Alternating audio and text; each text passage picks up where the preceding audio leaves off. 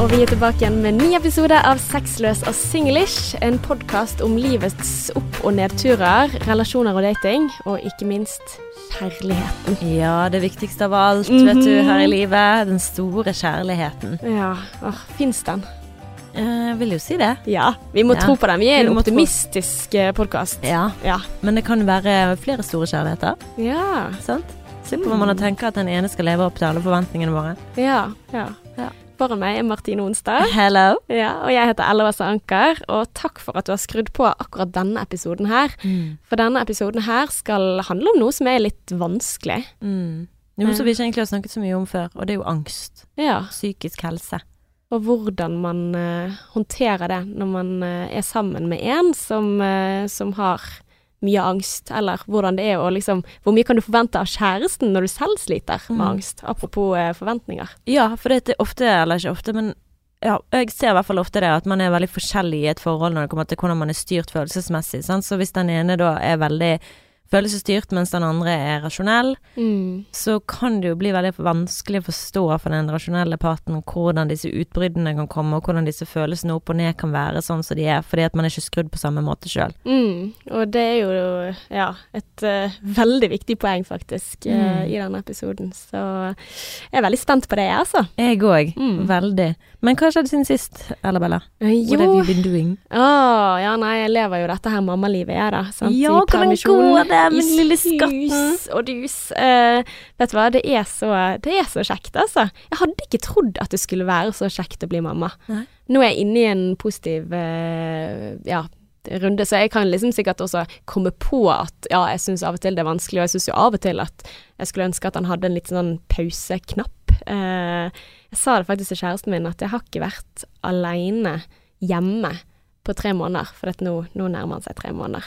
Eh, og det hadde vært deilig å ha hatt en time hvor jeg var aleine hjemme.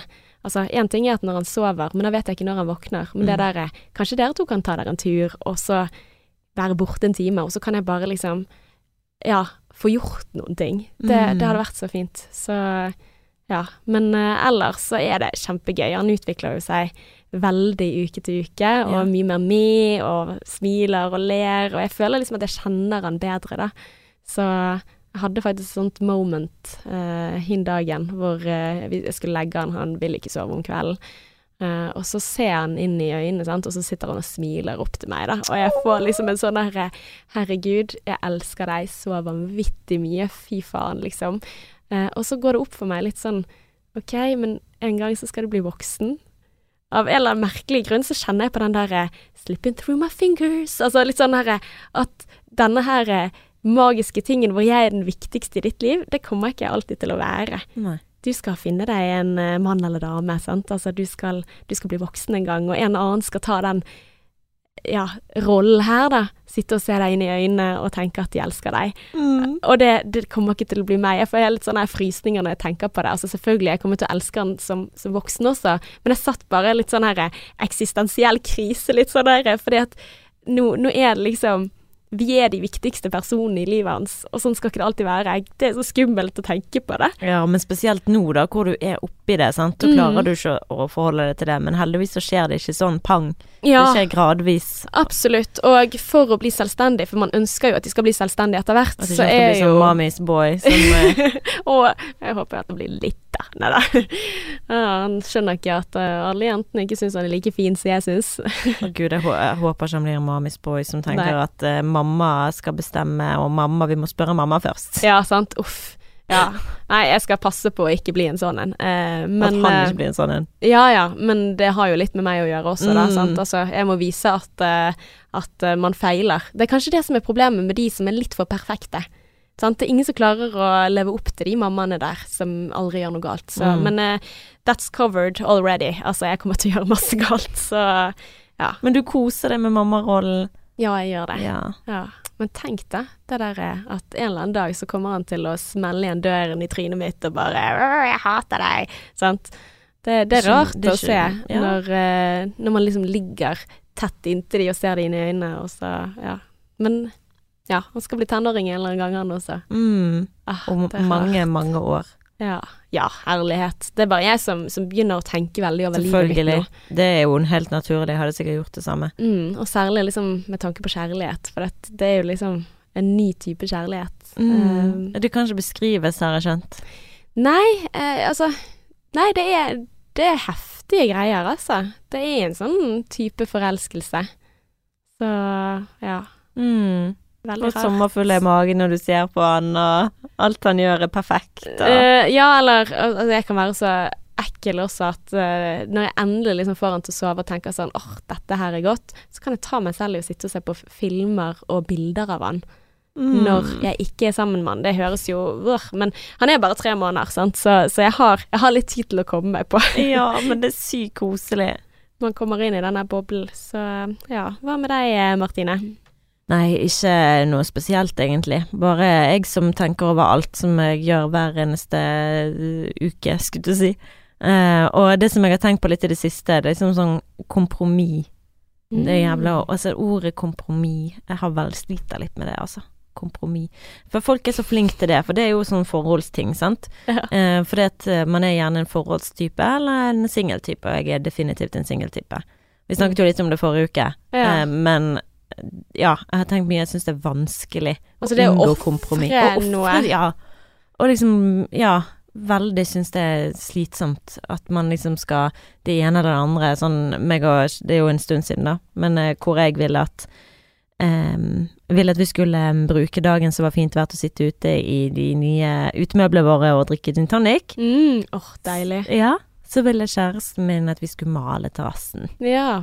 Han er veldig sånn eh, Hva det heter praktisk. Han er Mm. veldig sånn OK, nå har jeg fri tid, nå skal jeg liksom skal gjøre gjøre noe. Ja, veldig. Ja. Og der er jo jeg mer sånn Å, nå er jeg fri, så nå kan jeg fly som fugl. Jeg kan gjøre masse gøye ting. Og, Mm. Så jeg er jo mye mer sånn Liker tanken på å gjøre ting, sant. Akkurat som, som vi snakket om forrige uke, med Eller dates gjøre, og sånn. gjøre lite, på en måte. Altså gjøre, gjøre ting, men tenke, slappe av, Ja. kose seg. Ja, da Mm. tenker jeg med fri, når du har fri, men sånn er sånn Ja, men vi må bli ferdig, vi har mye å Mm. gjøre. Veldig strukturert og veldig Jeg er sånn akkurat sånn som han. Ja. Ja. Men jeg hadde trengt en sånn som deg, da. Mm. Tenker men jeg, hvordan altså- er din kjære i forhold til det, da?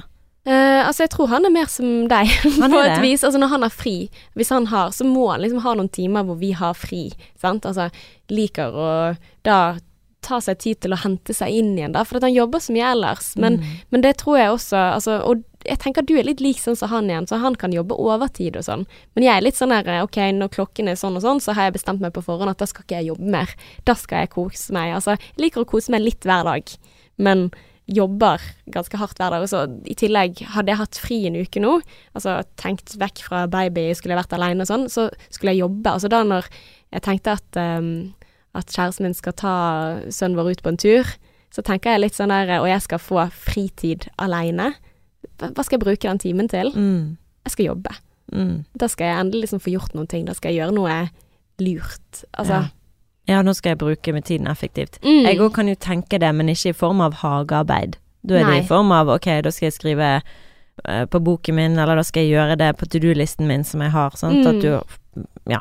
Du har jo en to do-liste, Ja, uh, og det har jo jeg. det har jeg også. Mm. Ja. Men skriver du den fysisk ned? Ja, jeg, har, har, jeg måtte det, for jeg hadde så mye greier som jeg var nødt til å få gjort, og nå skal vi jo video, den traileren for boken, skal jo, Ah. så jeg må jo ha manus til det, sant, og Det er så deprimerende å ha en sånn liste, og så er den samme punktet på listen år etter år. Ah, ja. Altså, jeg, jeg kan ha et sånt, eh, sånn, sånt evighetsprosjekt da, Ja, ja, sånn, som jeg aldri blir ferdig med, og så får jeg aldri krysset den ut. Men det kommer når det kommer. Mm. Når det er riktig tid for at det prosjektet skal settes i gang, Mm. da vil det skje, tenker jeg da. Og da er det gin tonic etterpå, altså. Ja, da er det gin tonic etterpå. Ja. Jeg har ikke fortalt deg det, at jeg har fått utvidet eh, kontrakt i Jo, det har jeg sagt til deg, ja. Jeg har Ja. sagt det til deg, ja. Men du har ikke sagt Det det til lytterne? Nei, det har jeg jo ikke. Eh, Det er jo, kontrakten min er jo veldig sånn eh, Det er jo et timevikar, sant, så det er jo for en gitt periode, og nå har jeg fått utvidet til ut året. Ja, jobben i TV 2 som reporter. Ja, det er bra du oppdaterer på hva det er snakk om her. Ja. Ja. Så, Gratulerer. takk, det ja. er dritkult. Det er veldig gøy. Ja. Det, for når du sa det var vi skole da må vi drikke gin tonic, så tenkte jeg åh, jeg har jo noe Det, ja, det har jeg feiret det litt i er- helgen. Det er jeg med på å feire, for det er så fortjent. Åh, Det, Det er er, så, så, kjekt. og Jeg er bare så glad for å være der. Jeg er bare så glad for det. Mm. Så jo, jo, jeg driter i hvilken form så lenge jeg får lov å være der. Mm. Syns det er så kjekt. Jeg hadde sånn følelse når jeg var på jobb en dagen, der jeg gikk liksom fra kjøkkenet og inntil plassen min. Mm. Så var jeg liksom sånn utenfor meg sjøl-opplevelse. Det er bare sånn Jeg føler jeg jobber hos Google eller noe sånt. Det er sånn veldig sånn åh, Jeg er så stolt. Jeg er så glad. Jeg elsker det. Åh, det er så fint. Mm. Det er så veldig, veldig fortjent. Men hva er løsningen din, da, i forhold til kompromiss? Altså, oh, ja. når han vil jobbe, og du vil eh, Nei, det, det Har jeg fortalt om det den dagen med gin tonic og terrassen? Nei. Jeg har ikke fortalt om det. Nei, for det som vi endte opp med da, var jo at han bare, verdens søteste mann, sa til meg Kan ikke du bare sitte og drikke gin tonic, da, og så kan jeg male? Oh my god! Dream team. Men klarer du å kose deg, da? For, Ja, da sitter vi og prater, og så sitter han og maler, og så ja, for da, da klarer du liksom stole på at du vil faktisk jobbe. Du vil faktisk det, for det er mitt problem av og til. Er liksom sånn at um, at, um, at jeg tenker liksom at hvis han jobber med noen ting, så bør jeg gjøre det samme. Ja. Eh, for hvis ikke, så får jeg liksom dårlig samvittighet. Men det der hvis jeg av og til eh, hvis, hvis vi kommer til eh, den løsningen der, at ok, Erla, nå kan du sitte deg ned, ta deg et glass vin, og så, så fikser jeg. Mm. Da, hvis man klarer å nyte det, det er det beste som fins. Ja, altså, jeg hadde ikke dårlig samvittighet der, for jeg sa til han vi kan gjøre det i morgen tidlig. Mm. For vi skulle jo male dagen etterpå. Han ja, bare ja. ja, men jeg har lyst til å bare komme i gang. ja, Så sånn, ok, men da er det ditt valg, for da har jeg sagt vi kan gjøre det i morgen tidlig begge to. ja. Mens han ville da gjøre det den kvelden, og han syntes det var greit at jeg satt der. Og det har vi gjort flere Mm. ganger, at jeg sitter Det og så bare fint. Så han bare Jeg bare syns det er kjekt hvis du kan være der med meg, du trenger ikke gjøre noe. Mm. Så det er jo veldig Ja. Det er litt sånn Hvis det er et eh, kompromiss, så er jeg helt med på hele den kompromissgreien, Ja, altså. vet du hva? Kompromiss, best thing ever. All right, da skal vi inn på dagens eh, tema, og det Mhm. er jo at vi har en lytter som sier at hun sliter med angst og panikkanfall, og hun sier at når hun får et panikkanfall, for eksempel, så klarer ikke kjæresten å trøste. Og hun sitter hjemme og føler seg veldig alene, og det tærer på forholdet. Mm. Så hennes spørsmål til oss det er hvordan kan man takle de situasjonene, og hvordan kan jeg få kjæresten min til å forstå? Mm. Og der kan jo du nok mer enn meg, eller du som er psykolog. Så Ja. um, jeg vet ikke om du har eh, gjort deg noen tanker om Ja, altså, jeg har gjort mange tanker om dette. Altså, først og fremst så er jo ikke vi Altså, jeg tilbyr jo ikke helsehjelp her, så jeg tenker jo at det viktigste er jo at hun har en behandler selv som eh, tilbyr riktig behandling for henne. Eh, for det høres jo veldig slitsomt ut å ha mye panikkanfall og slite med angst over tid. Men eh, aller først så ville jeg egentlig anbefalt henne å ta med seg kjæresten til psykologen sin. Men tror du hun har psykolog? Mm, jeg håper det, for eh, jeg tenker at eh, det kan jo jeg si aller først. Altså, vil oppfordre henne til å søke hjelp, og eh, sånn som jeg sier også riktig hjelp. For det er jo ikke all type terapi som er best dokumentert for angst. Altså, Mm. hvis hun har panikkangstlidelse, nå vet ikke jeg hva slags diagnose hun har, men har hun det, så er det ganske god behandling for det, f.eks. i form av fire dagers behandling. Og hvis hun, eh, som er på en måte eh, Altså, det er et veldig bra dokumentert eksponeringsterapiregime som går over fire dager. Det går over flere dager enn det også, for du må jobbe i forkant og i ettertid, men det er liksom fire konsentrerte, fulle dager Mm. som du jobber med å møte angsten. Og eh, det er ikke nødvendigvis alle byer i Norge som har det tilgjengelig, men du har fritt sykehusvalg i Norge, så da kan du si til fastlegen din du, jeg ønsker at du sjekker ut dette her, og så kan du eventuelt reise i forbindelse med det, da. For dette, det har man lov til. Og det kan jo hende at, kan hende at hun har prøvd det, og at det ikke funker. Altså, nå, nå vet jeg ikke hva slags type angst Nei. hun har. Eh, Nei, jeg håper jo òg at hun har men, sjekket eh, opp i det. Mm. Men, eh, men jeg tenker litt sånn umiddelbart så er pårørende Altså, man spiller jo en stor del av både behandlingen og eh, i livet. Altså, man lever livet sammen. Så det der å, å ta med seg f.eks. kjæresten sin i terapi eh, Hvis han er, eller hun er interessert i å forstå, det er jo selvfølgelig, de må jo ønske det, men eh, sånn som jeg jobber jo mye med barn og ungdom, Mm. og da tenker jeg veldig ofte at det er veldig rart hvis ikke foreldrene skal være med. For at de kan være med og eh, hjelpe Mm. veldig mye, men de må jo vite hvordan, og det er jo veldig vanskelig. Og det jeg liksom leser ut fra hennes eh, eh, spørsmål her, da, når du sa liksom 'hvordan kan jeg få kjæresten til å forstå', Mm. det er én ting, men jeg tror også det er viktig for deg å forstå kjæresten.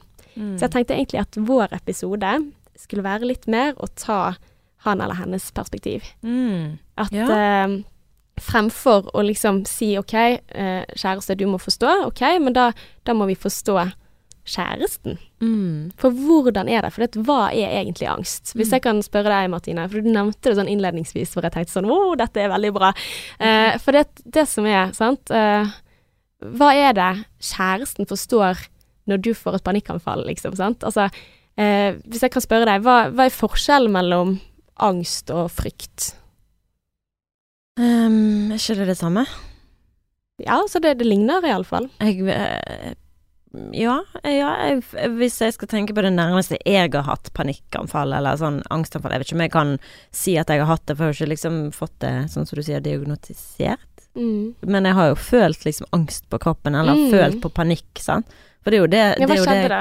Nei, det er bare det at jeg kjente på ehm, På det panikkanfallet fordi at Jeg vet ikke, jeg vet ikke hvor det kom fra, men jeg bare kjente på kroppen min at jeg fikk sånn um, Det er nesten sånn at jeg føler meg fanget Mm. i min egen kropp og min egen tilværelse. At, at du blir litt sånn Hvis du får veldig mørke tanker, da, så tenker du bare Og så bare Jeg vet ikke, det er noe som skjer inni kroppen som bare Det gjør bare vondt. Jeg vet ikke, det er vanskelig å forklare den. Vanvittig ubehagelig. Veldig ubehagelig, ja. Jeg fikk det på gaten. Det er bare sånn Ja. Altså ut av det blå, liksom. Ja, helt Ja. ut av det blå.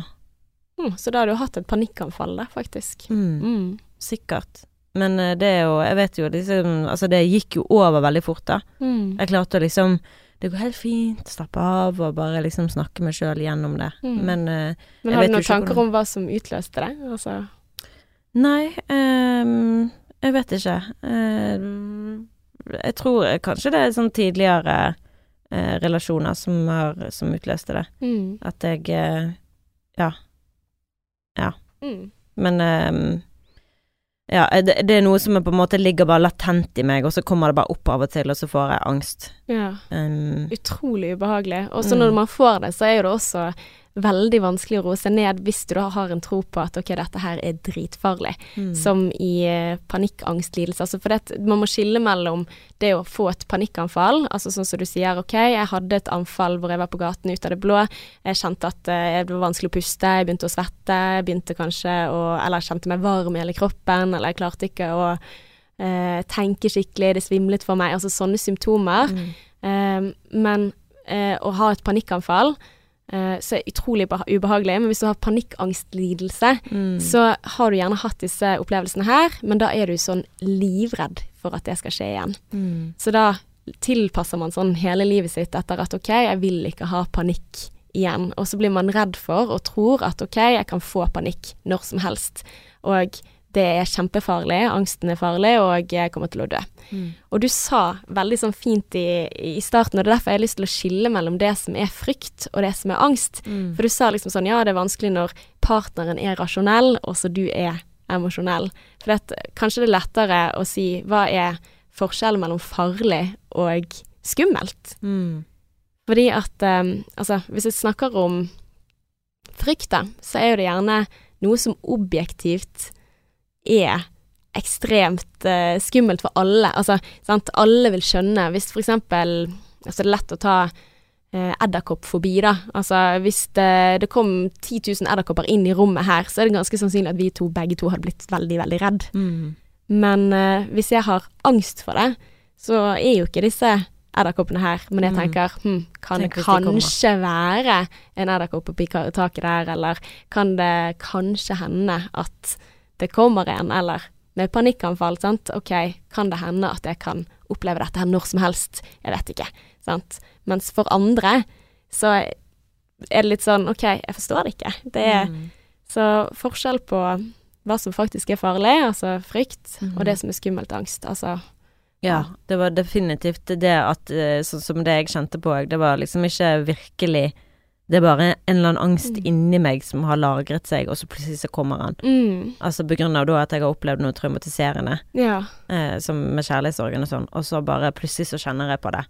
og så får jeg angst. Det er ubehagelig. Ja. Ja, og, det ikke, det, og så gikk det over, så jeg vet jo at hun har garantert det 100 ganger verre enn meg. For det er jo ikke Mm. sånn Jeg går ikke rundt og tenker på at det skal skje igjen, det er ikke noe mønster i det. Det er bare sånn Av og til så kommer det opp, og så får jeg sånn angst. Mm. Men det er ikke noe Men, men du, du motiverer ikke hele livet ditt ut ifra at du må Nei. unngå det. Nei, nei, Eh, nei. Eller at du, du kan ikke gå der og der, for da kan det kanskje hende at du får et anfall igjen. Eller du må alltid ha med deg vann fordi at eh, Nei, gud nei. Sant? sant? På ingen måte. så, så det er jo på en måte det som er nøkkelen i Mm. all angstbehandling, er jo at den kontrollen man prøver å få over angsten, den må bort. Mm. Så for eksempel da at eh, hvis man har skarp Sånn tenk hvis, altså de som eksempel har med seg Sobril i vesken, sant, fordi at kanskje jeg får et angstanfall, og da må jeg roe ned, sant. Da forteller du, da mater du angsten der. Da vil den på kort sikt kanskje være be, belønnende, sant, og så vil du tenke at eh, ja ja, men jeg er i hvert fall sikker, sant, og, men du oppfører deg som at den angsten er farlig. Mm. Så på lang sikt vil det fortsette å være angst. Man kan se for seg sånne her eh, sydenkatter som, eh, som er veldig pågående, og hvis du først har matet dem, så kommer de igjen. Mm. og det er litt sånn med den angsten Mm. også, at uh, hvis man mater den med trygghetshandlinger og sånne ting, eller unngår, så vil du da liksom uh, begrense deg mer og mer, og angsten får styre mye mer av livet ditt. Så ja, det er, det er utrolig slitsomt. Mm. Uh, utrolig slitsomt å leve med, og derfor også viktig å søke behandling, for dette er ganske god behandling for det. Men eh, jeg tenker at på partneren, da, hvis vi skal prøve å liksom få forstå hvordan er det å være kjæreste til en som har mye panikkanfall, hvordan er det for den personen? Fordi de kjenner ikke disse symptomene på kroppen. Så jeg ser liksom for meg at det som er vanlige feller som kjæreste, da, er jo det at eh, nummer én at ok, jeg skjønner ikke dritten, liksom, sant? Hva, hva er greia nå at du blir lite støttende? Men den andre er jo det der at man liker jo ikke å se de man er glad i ha det vondt. Så kanskje de også kan funke ofte som en sånn eh, angstmater. At Team Angst får vinne, sant. Fordi at de tenker at ok, men du syns det er så skummelt å gå på den åpne plassen, for da du hadde et panikkanfall der før, eh, så, så vi går ikke der. Ja, nei, vi, vi går en omvei rundt, sant. Så hjelper jo kjæresten å mate den angsten, fordi at eh, du fortsetter å ha kontroll over noen ting du ikke kan kontrollere. Men skal du som kjæreste da eh, si at nei, men vi må gå og jobbe over den angsten? For Mm. det er jo det, sant, hvilken rolle skal du ta? For jeg tror at det kan bli òg veldig eh, Føles veldig invaderende hvis en som ikke forstår seg på angst, skal fortelle deg hva du skal gjøre. Absolutt. Og derfor tenker jeg, bli med i behandling, så dere Mm. får et felles prosjekt. da. Eh, for hvis ikke man har et felles prosjekt, hvis man ikke har en plan over det, Mm. så er det dritvanskelig. Sånn som du sier, du er ikke behandleren min, sant. Du er kjæresten min, du skal trøste meg, du skal Men hva er Hvilken rolle er det man forventer av partner, da? Ja, for jeg tror det kan være veldig vanskelig for et par å finne ut av alle disse store tingene. Eh, For det er ikke alle som har de verktøyene som skal til. For det er jo veldig vanskelig å ikke ta ting personlig og forstå noe som du ikke forstår.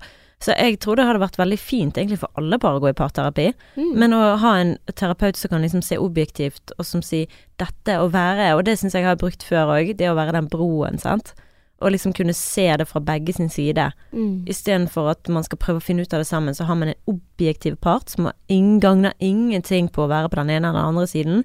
Han kan bare skape den åpenheten, da, Mm. som er vanskelig å få mellom seg av angrep og forsvar og ikke forstår og ikke klarer å forklare det ordentlig. Mm.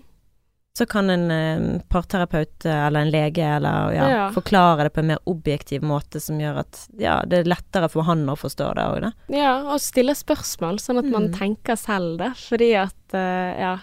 Og det er jo litt sånn her eh, Når jeg har med foreldre, for eksempel, i, i behandling, når det er barnet som har angst, så er jo det det å stille de spørsmålene og få de til å tenke ok, hva er dette her, og hva er det jeg selv gjør for å både mate angsten, men også hvilken rolle tar man? Fordi at eh, en angstbehandling vil ikke fungere hvis det er noen andre som bestemmer at du skal eksponere deg.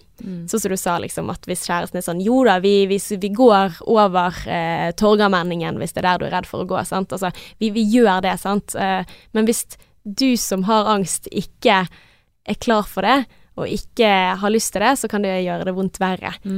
Fordi at uh, du må være sjef i dette prosjektet. Så hvordan skal man gjøre det da som kjæreste? Hvis man ikke skal pushe de til å tro, trosse fryktene sine, og ikke være den som ignorerer fryktene, hvor, Mm. hvilken rolle skal han ta? Nei, altså, jeg tenker jo at den rolleavklaringen må de to gjøre sammen, da. Altså, det er ikke sånn at Hun må si hva, eh, han, hva hun trenger av han. Ja, eller de må finne ut av det sammen. Altså, ok, Hva er det som blir vanskelig i denne situasjonen? Hvor, hva føler du når dette skjer? Hva er det som eh, Altså, er du villig til å Altså, er du nå i en fase hvor du tenker at jeg er klar for å eh, behandle denne angsten, sant? Eh, hvis du ikke er motivert for det, så er det ikke noe poeng i å prøve. Altså, behandling for angst, det er jo behandling for de aller tøffeste, vil jeg si. Altså, du er dritmodig skal du jobbe med angsteksponering, fordi at du skal gjøre det du frykter aller mest. Altså, jeg, jeg, jeg ser så på beundring fordi jeg har fulgt i det løpet. Altså, det er, det er så kjekt å se. Jeg får helt sånn frysninger, og mange av de syns faktisk det er gøy også når man først kommer inn, fordi at man kjenner på så mye mestring. Men det betyr jo også at man må legge stegene til at du kjenner på mestring, sant. Altså, eh, det hadde ikke hjulpet, altså hvis vi tar tilbake en til edderkoppene, hvis du da hadde dyttet en eller annen inn i et eh, bur, eller inn i et rom, her er det ti edderkopper, liksom, eh, eksponere deg. Ja, det, det hadde ikke gått bra. du må ta ett steg om gangen. Ja. Man må gå i trappen din, Martine. Mm. Ja. Kanskje stikke opp til første etasje med en gang, eller til tiende etasje med en gang. Ja, ingen ubehagelige overraskelser. Og det er jo Mm. det som er viktig også med partner, at de må forstå det. At ingen ubehagelige overraskelser. Og så i tillegg å vite at ok, de er ikke behandler, men eh, kanskje kan jeg være med på dette prosjektet når jeg går i behandling. Kan jeg da få vite hva hvilke ting er det du går igjennom, og hvordan kan jeg støtte deg på verdens, altså på best mulig måte. Mm. Men også sånn at du som sliter med dette, må også se for deg ok, hvordan er det eh, Altså får jeg disse panikkanfallene? For det kan være ganske skummelt å se panikkanfall hos andre. Mm. Eh, fordi at eh, hvis det er panikkangstlidelse, så er man gjerne Altså man reelt tror ok, nå dør jeg, liksom. Veldig mange faktisk eh, eh, Det er digresjon, da, men veldig mange som eh, kommer inn på sykehuset med eh, hjertesymptomer. Altså de tror at det er hjertefeil. Mange av de har hatt et panikkanfall. Og så Mm. går man til legen, og så får man undersøkt ok, eh, eh, er det noe galt med meg? Nei, det var ikke det. Og så blir de sendt hjem. Og så har de egentlig panikkangst, men det er ingen som har gitt informasjon om det. Som igjen Mm. vil jo ja, være veldig dumt, da. Fordi Mm. at eh, da får ikke man jobbet med den angsten. Men jeg tenker som partner, kjempeviktig å skape et felles prosjekt og prate om de tingene, sant. Ok, hva trenger du at jeg gjør? Og så er det også viktig da at du som sliter med angst, ok, er det Team Angst som ønsker noen ting? Eller er det, er det du som ønsker å bli frisk, som ønsker noen ting? Mm. For det er Team Angst, oh, det eh, Den motivatoren der er veldig sterk, da. Det der til å ønske å unngå eller prøve å sikre seg på et vis eh, som ikke er anbefalt, da. Mm. Så nei, det, det er tøft. Men jeg tror man må snakke sammen, da. Ja, og det er bra at du sier, for jeg har funnet på det store internett. Yes. Eh, det er en jente da som slet med angstanfall. Og det hun gjorde da, det var å skrive en liste med ting som han kunne gjøre for hun. Ja. Og ga den til henne, og så la hun den ut på Twitter, ja. og den gikk viral. Og så jeg tenkte jeg skulle skrive den, eller lese høyt den listen, da, ja. som, over ting som hun mente han kunne gjøre for at, å forstå hun bedre. Hva slags type angst har hun? Står, det noe om det, eller er det Um, nei, det står bare at um, um, This woman's panic attack advice to her boyfriend has gone viral because it's perfect. Ja. Veldig bra. Ok, så panikkanfall, da. Mm. Ja, det står eh, Skal vi se Det står eh, at ja, det er panikkanfall, og at det, Egentlig det som du har snakket om, at det er skummelt å gå gjennom, og når du har et panik panikkanfall, så kan det føles ut som du har et hjerteinfarkt. Mm. Eller være overbevist om at du kommer til å dø. Mm. Uh, og det kan være enda verre for folk som er rundt deg, for de vet ikke hvordan de skal reagere på det. Mm. Og hvis de får panikk òg, så kan det gjøre at du òg får mer Mm. panikk enn det du allerede har. Ja, og så er det også et problem der, altså, for da ønsker jo man gjerne å ta de ut av situasjonen, men greien er at det er ikke situasjonen som er farlig, sant. Altså, Mm. så der, eh, ja. Ja, og det er jo det hun sier da, i forhold til å få kjæresten hennes til å forstå hva hun gikk gjennom, så skrev hun denne listen med råd Ja, på hvordan han kan hjelpe hun. ja så bra. Go. Ok, så nummer én, det er å ikke bli irritert eller stresset, og vite at hun er stresset og redd uten å vite hvorfor sjøl. Så ikke bli liksom sånn, liksom som egentlig det var innledningsvis i den artikkelen, at du må ikke hive det på panikken. Mm. Du må bare være den rolige, og vite at hun ikke helt vet hvorfor hun har det sånn som hun har det. Mm.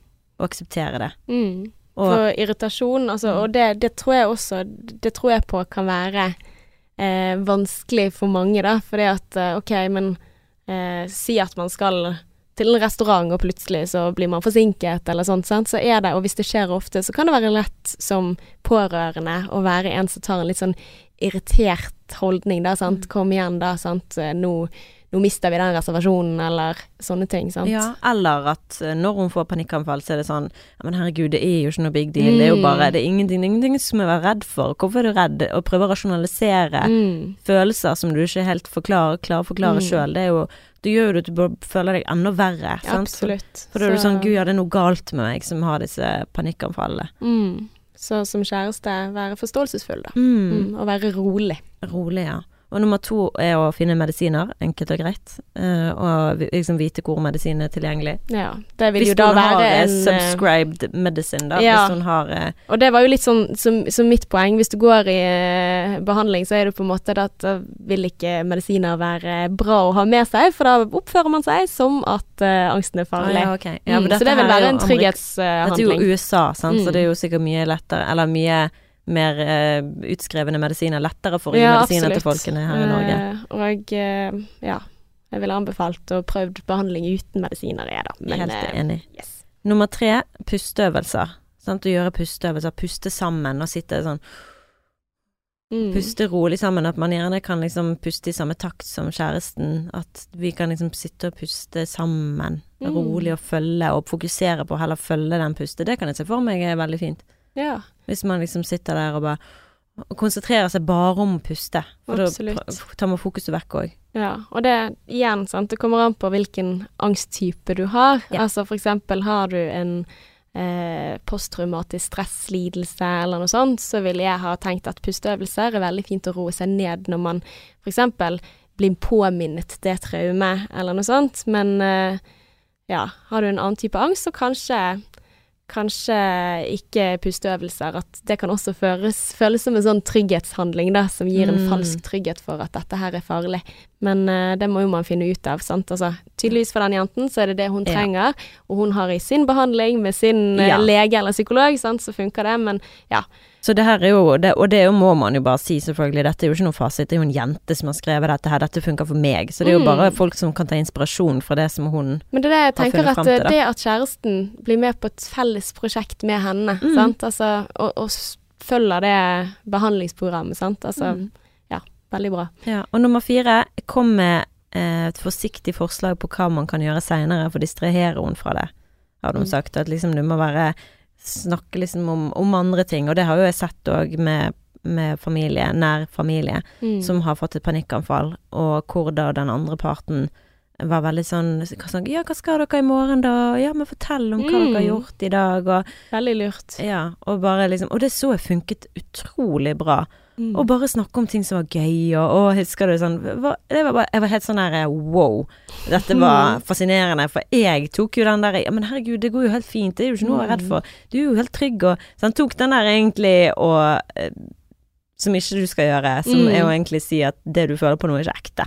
Ja, For dette og i hjelper jo tillegg, ikke. i tillegg så, så hjelper du til en, en sånn falsk trygghetshandling. For hvis du sier til deg selv ok, dette er ikke farlig, dette her er ikke farlig, ikke dette er ikke farlig, så hører hjernen din dette er farlig. Sånn, hvorfor trenger du å si til deg selv at det Mm. ikke er farlig? Det Mm. er litt sånn her at jeg tar denne koppen her, Martine, og så sier jeg ok, her har jeg te til deg, jeg skal servere til deg, men det er ikke farlig altså.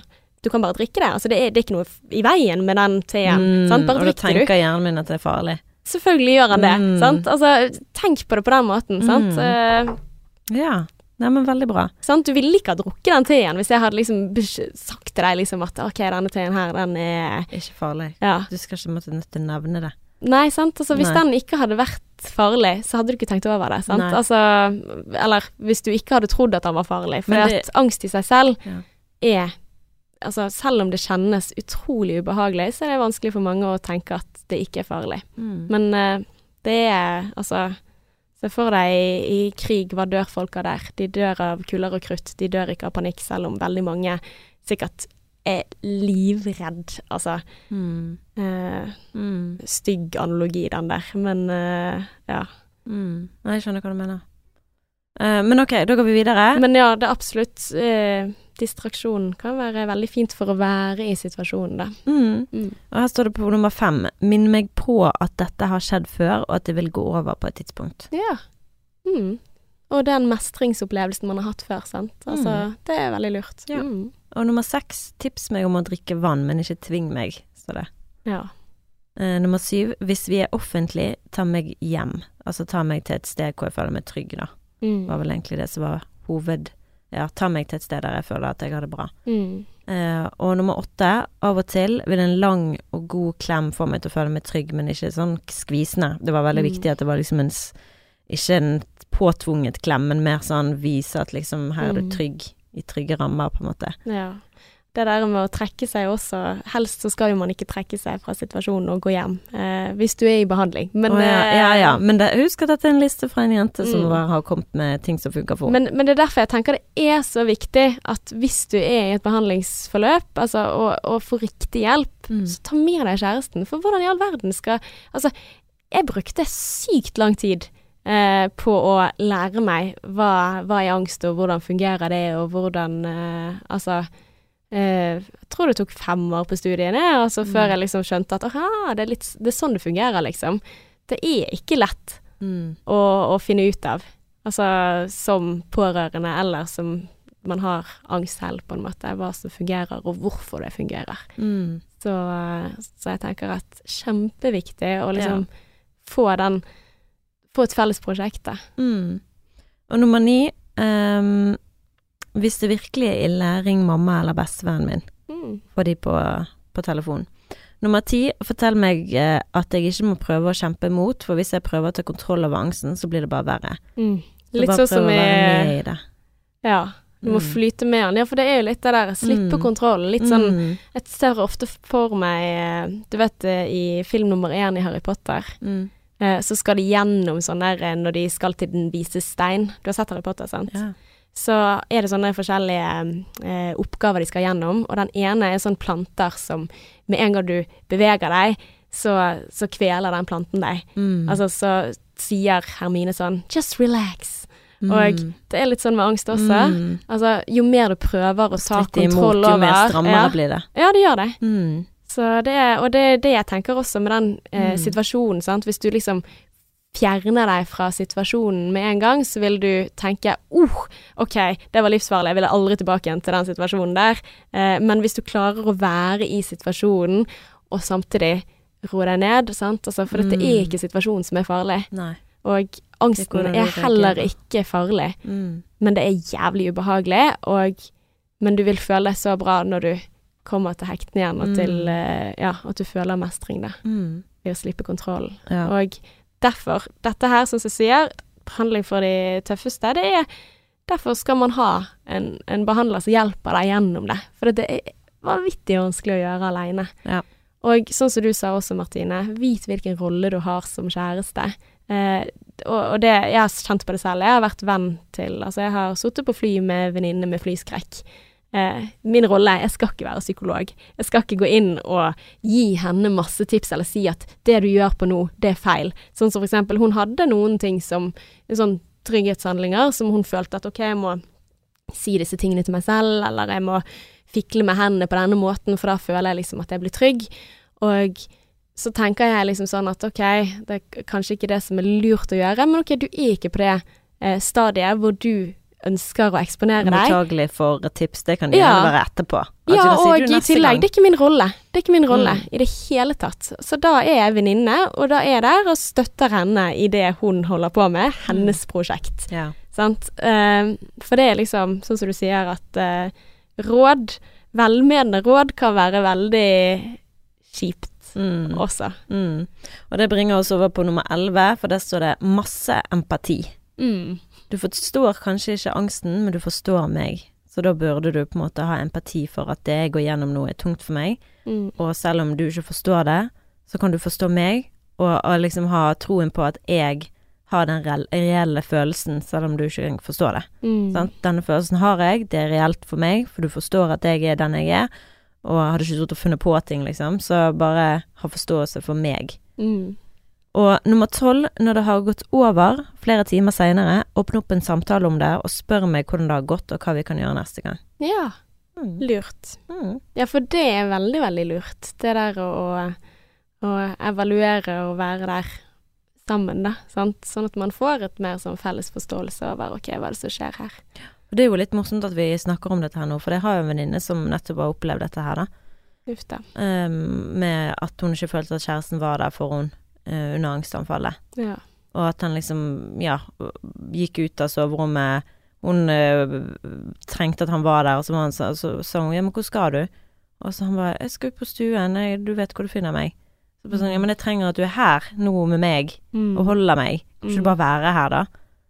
Nei, men jeg har jo vært der. Altså sånn Mm. Det er utrolig viktig at ikke den personen som opplever det, føler seg aleine, men at hun For dette er jo, det er jo garantert angst. Det er jo helt sikkert noe som får deg til å føle deg aleine. Mm. Så hvis du da har en partner som liksom skal være der for deg, som ikke er der for deg, så føler du deg i hvert fall aleine. Mm. Så jeg tenker òg at det viktigste som en partner, det er å være der for den personen så godt du klarer.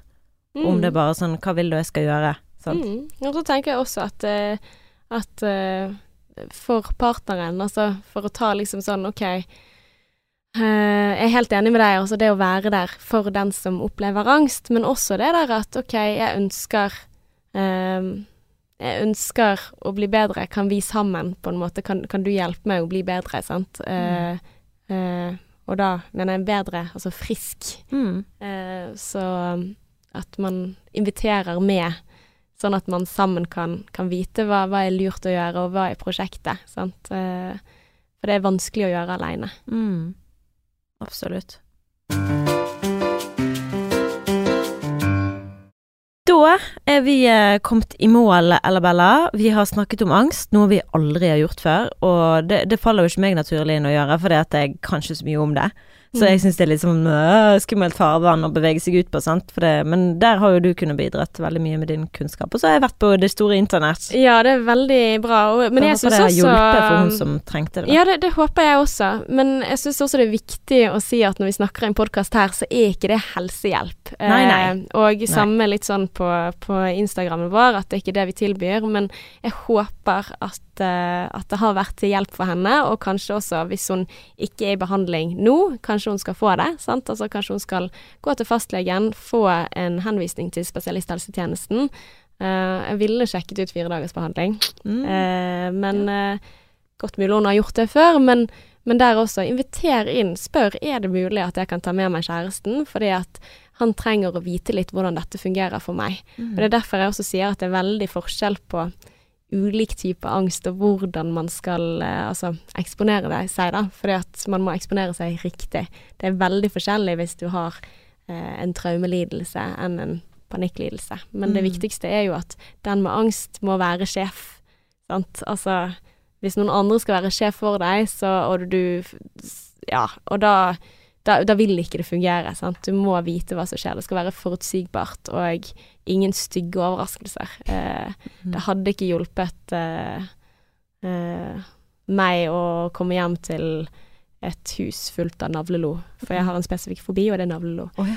Ja, altså, ja men, altså, men det hjelper ikke meg når jeg skal bli ertet med det, eller liksom sånn 'Her er navleloen min, se på den', liksom. Nei, nei. Sant? Altså, hvis jeg hadde hatt lyst til å bli kvitt den fobien, så hadde jeg blitt kvitt den fobien, og da hadde jeg gradvis eh, tilnærmet meg det, men, men jeg har ikke noe behov for det. Nei. Sant? Mm. Eh, jeg kommer alltid til å synes at det er ekkelt. Ja, det er Ja. altså med kjæresten min som absolutt vil at jeg skal bli bestevenner med edderkopper, og vil at Mm. jeg skal ta de, og jeg skal holde de, og jeg bare sånn bare nei, det, det, jeg har ikke noe behov for å komme forbi det forbiet. Bare la meg være med det. Mm. Det plages ikke med det. Men hvis du hadde vært plaget av det, sant, så hadde du kanskje trengt det. Si Ja. at du måtte støvsuge hele rommet ditt hver gang før du la, la deg om kvelden. Da hadde det kanskje vært et problem. Yes. Mm. Så først må jo man ha et problem. Ja. Det er jo ikke et problem. Det er jo bare det at jeg ikke syns edderkopper er noe som jeg har lyst til å holde på, for de beveger seg så jævla fort. Ja. Mm. Ok. Nei, men du, tusen takk for at du som sitter og hører på dette her, har hørt på. Og Mm. vi håper at selv om du kanskje ikke har opplevd angst og hører på denne episoden, kanskje du kan da være en venn eller en god kjæreste for en som har opplevd, eller skal oppleve Mm. angst. Og hvis du har noen tanker om episoden, så setter vi veldig stor pris på tilbakemelding fra deg på Instagram eller på Facebook. Vi heter Sexløs og singlish. Og hvis du liker oss, så setter vi pris på stjerner i iTunes. Ja, please do. Mm. Og så gleder vi oss til å være med deg om en uke igjen, for da skal vi finne et nytt eh, kjærlighetsrelatert tema å snakke om. Å, det blir så bra. Ja. Until next time. XOXO.